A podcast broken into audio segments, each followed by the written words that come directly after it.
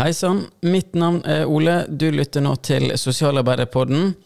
De siste åra har psykisk helse hos barn og unge fått stadig mer oppmerksomhet. En rapport fra Folkehelseinstituttet viser at andelen barn og unge som blir diagnostisert med en psykisk lidelse, har økt de siste ti åra.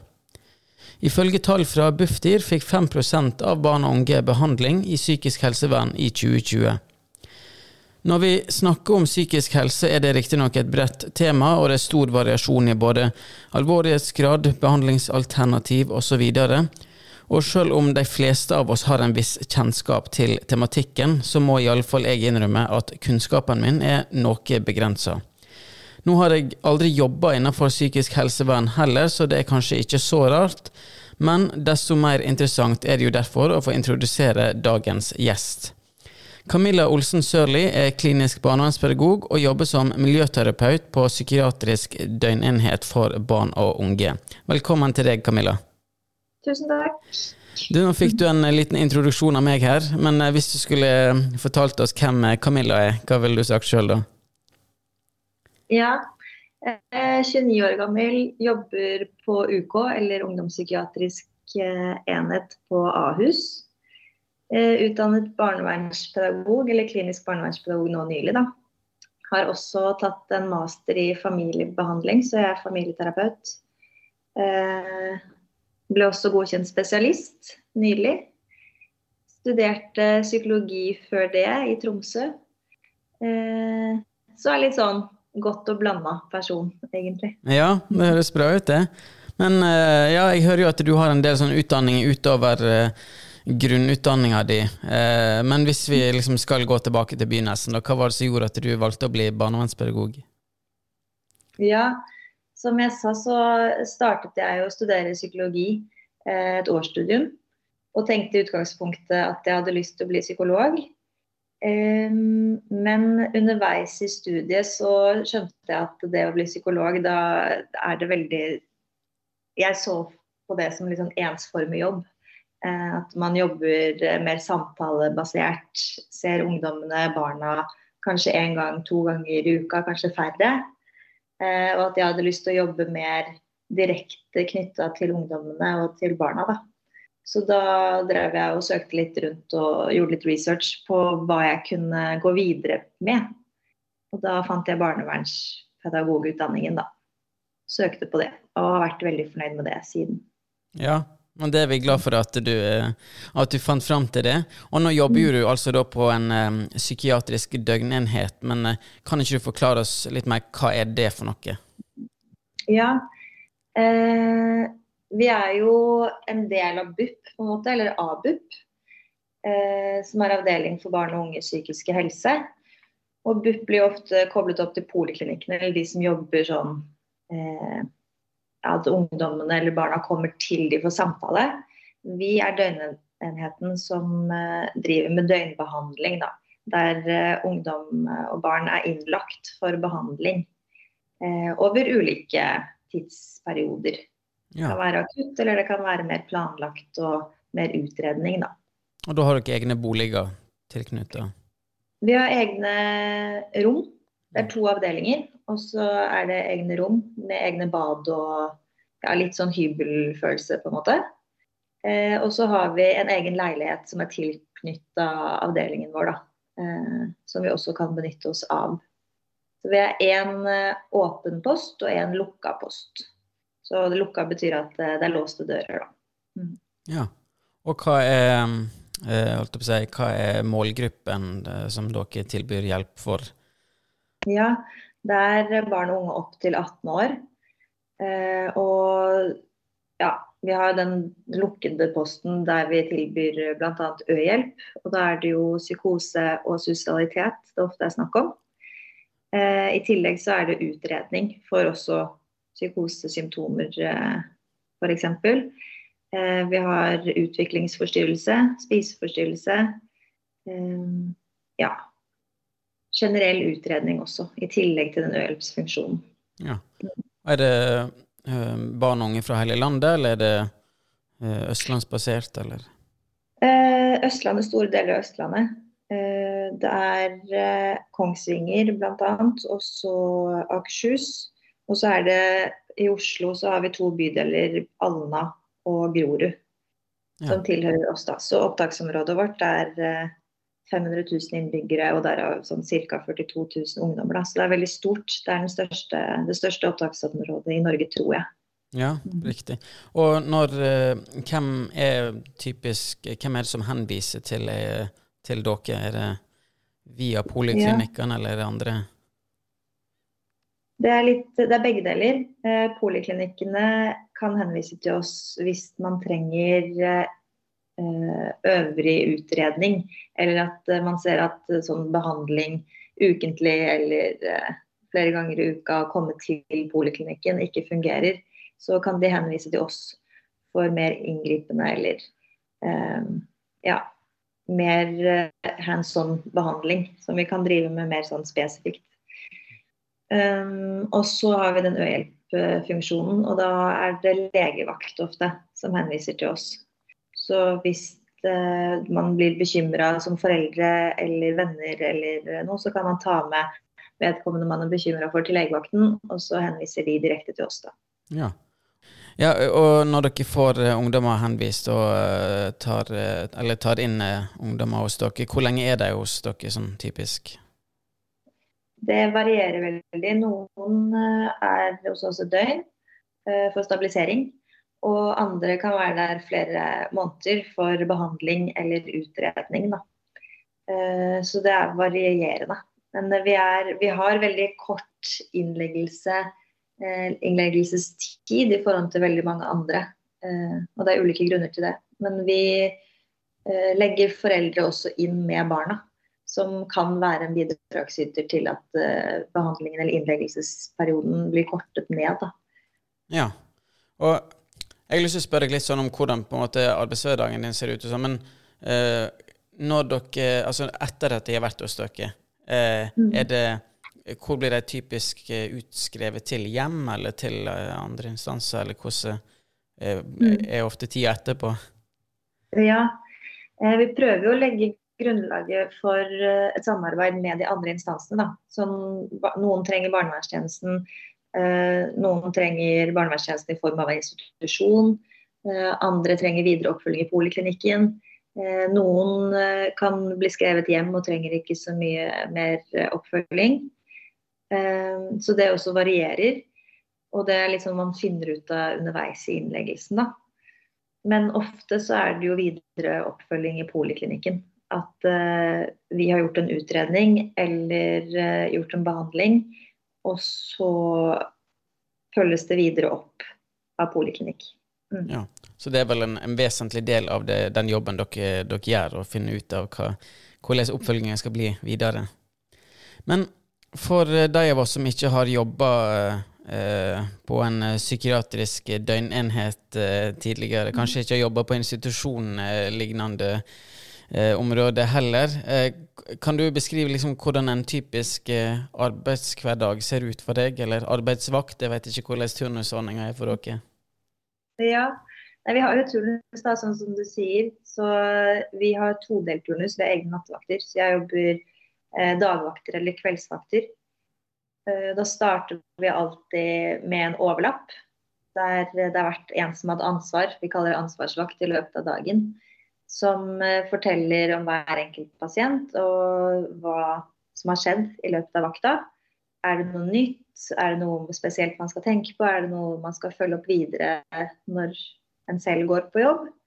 Um, ja, eller om det er noe nytt i forhold til behandlingen uh, som vi skal jobbe videre med. Da. Og så fordeles det hvem som skal følge opp hvilken pasient i løpet av vakta. Eh, og så går vi ut i post og begynner eh, å jobbe miljøterapeutisk med ungdommene og foreldrene som eh, er til stede. Setter opp en dagsplan. Til stede begge to? Hva sa du for noe? Både, det er både ungdommer og foreldre som er si, innlagt? Ja, eller det er jo ungdommen som, og barna som er innlagt, og så er foreldrene innskrevet, på en måte med barna sine. Eh, litt for å se hvordan vi jobber. Vi kan veilede de mer effektivt. De kan få tips og triks av oss. Vi er tilgjengelige hvis de har noen spørsmål. Det er jo en krise de står i som en familie. Mm. Så de er der med barna sine, da. Ja. De fleste har, sover der, så de også har eget rom, da. Ja. Så det, det er både si, oppfølging av uh, ungdommer og av, uh, og av foreldre når det er behov for det? Ja, det er det.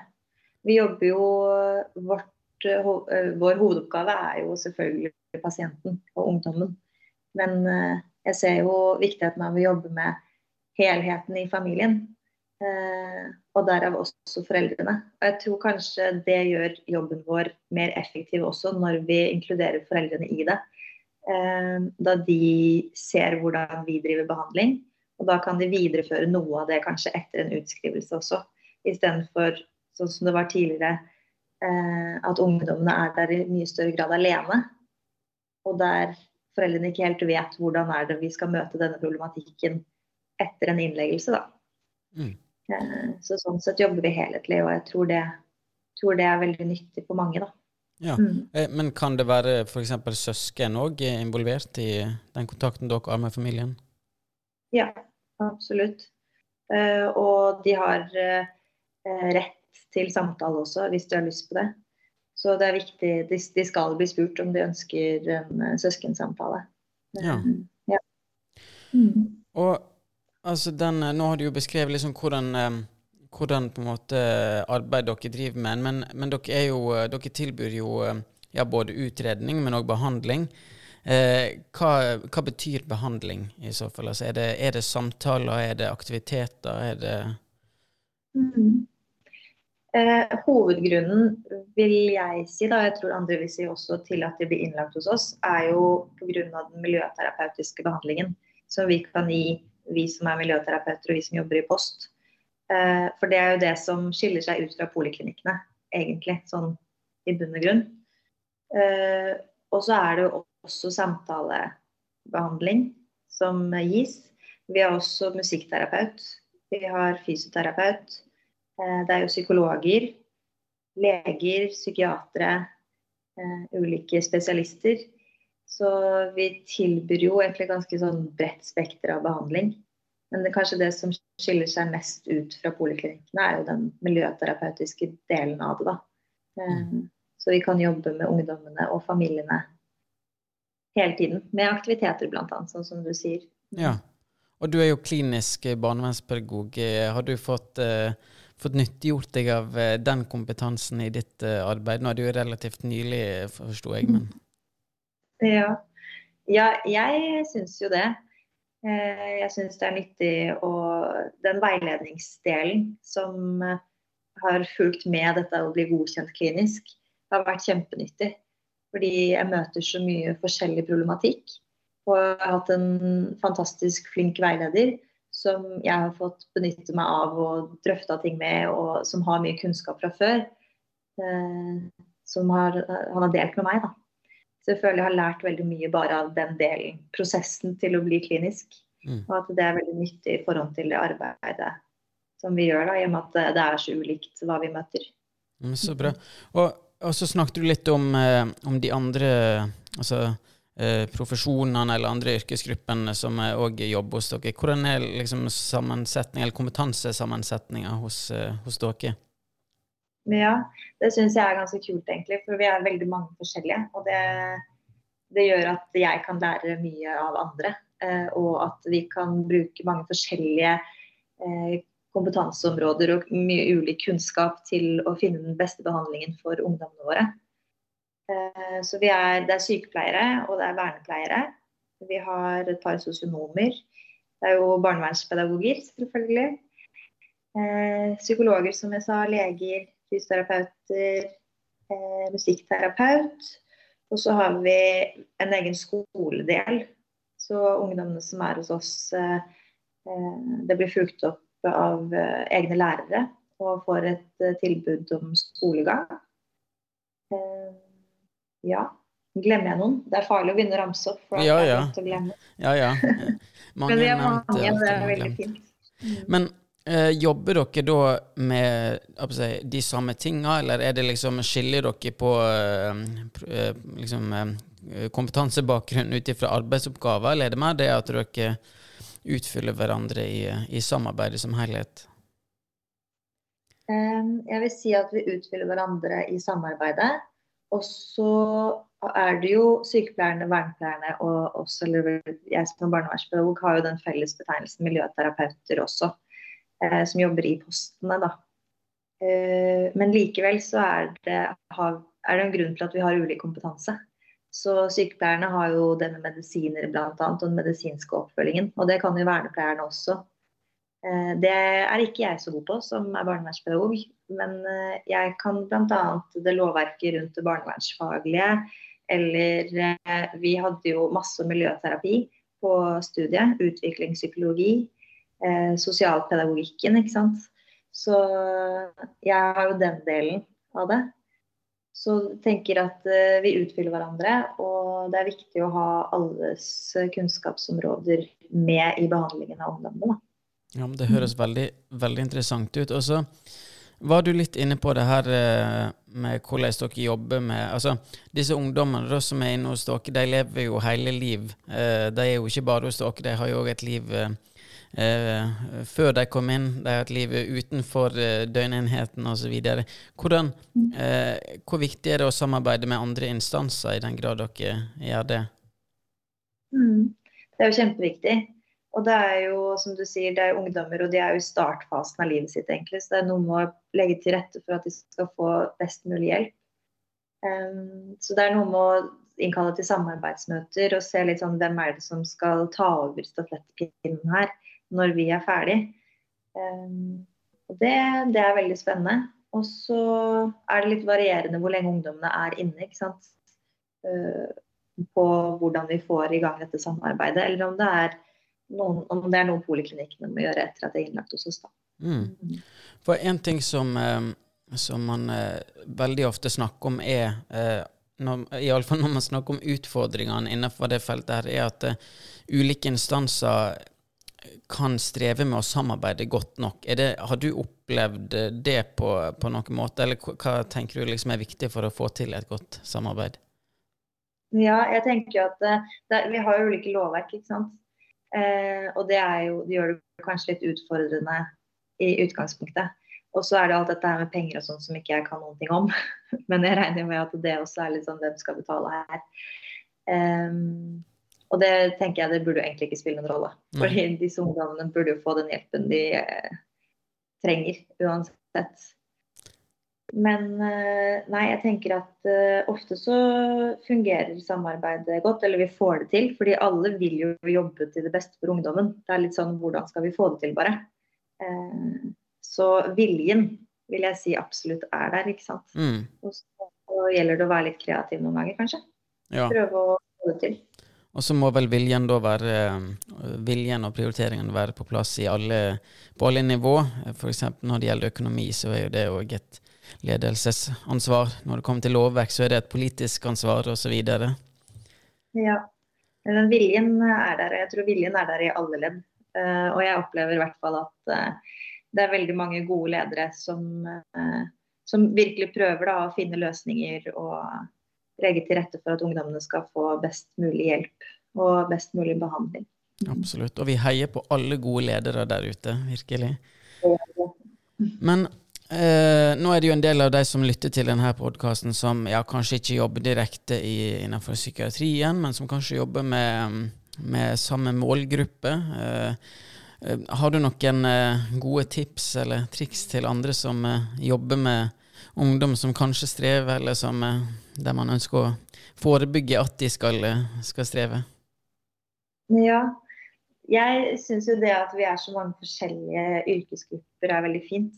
Um, at vi kan bruke hverandre, at jeg kan snakke med de, uh, lære, vi kan drøfte ting for å legge til rette for god behandling.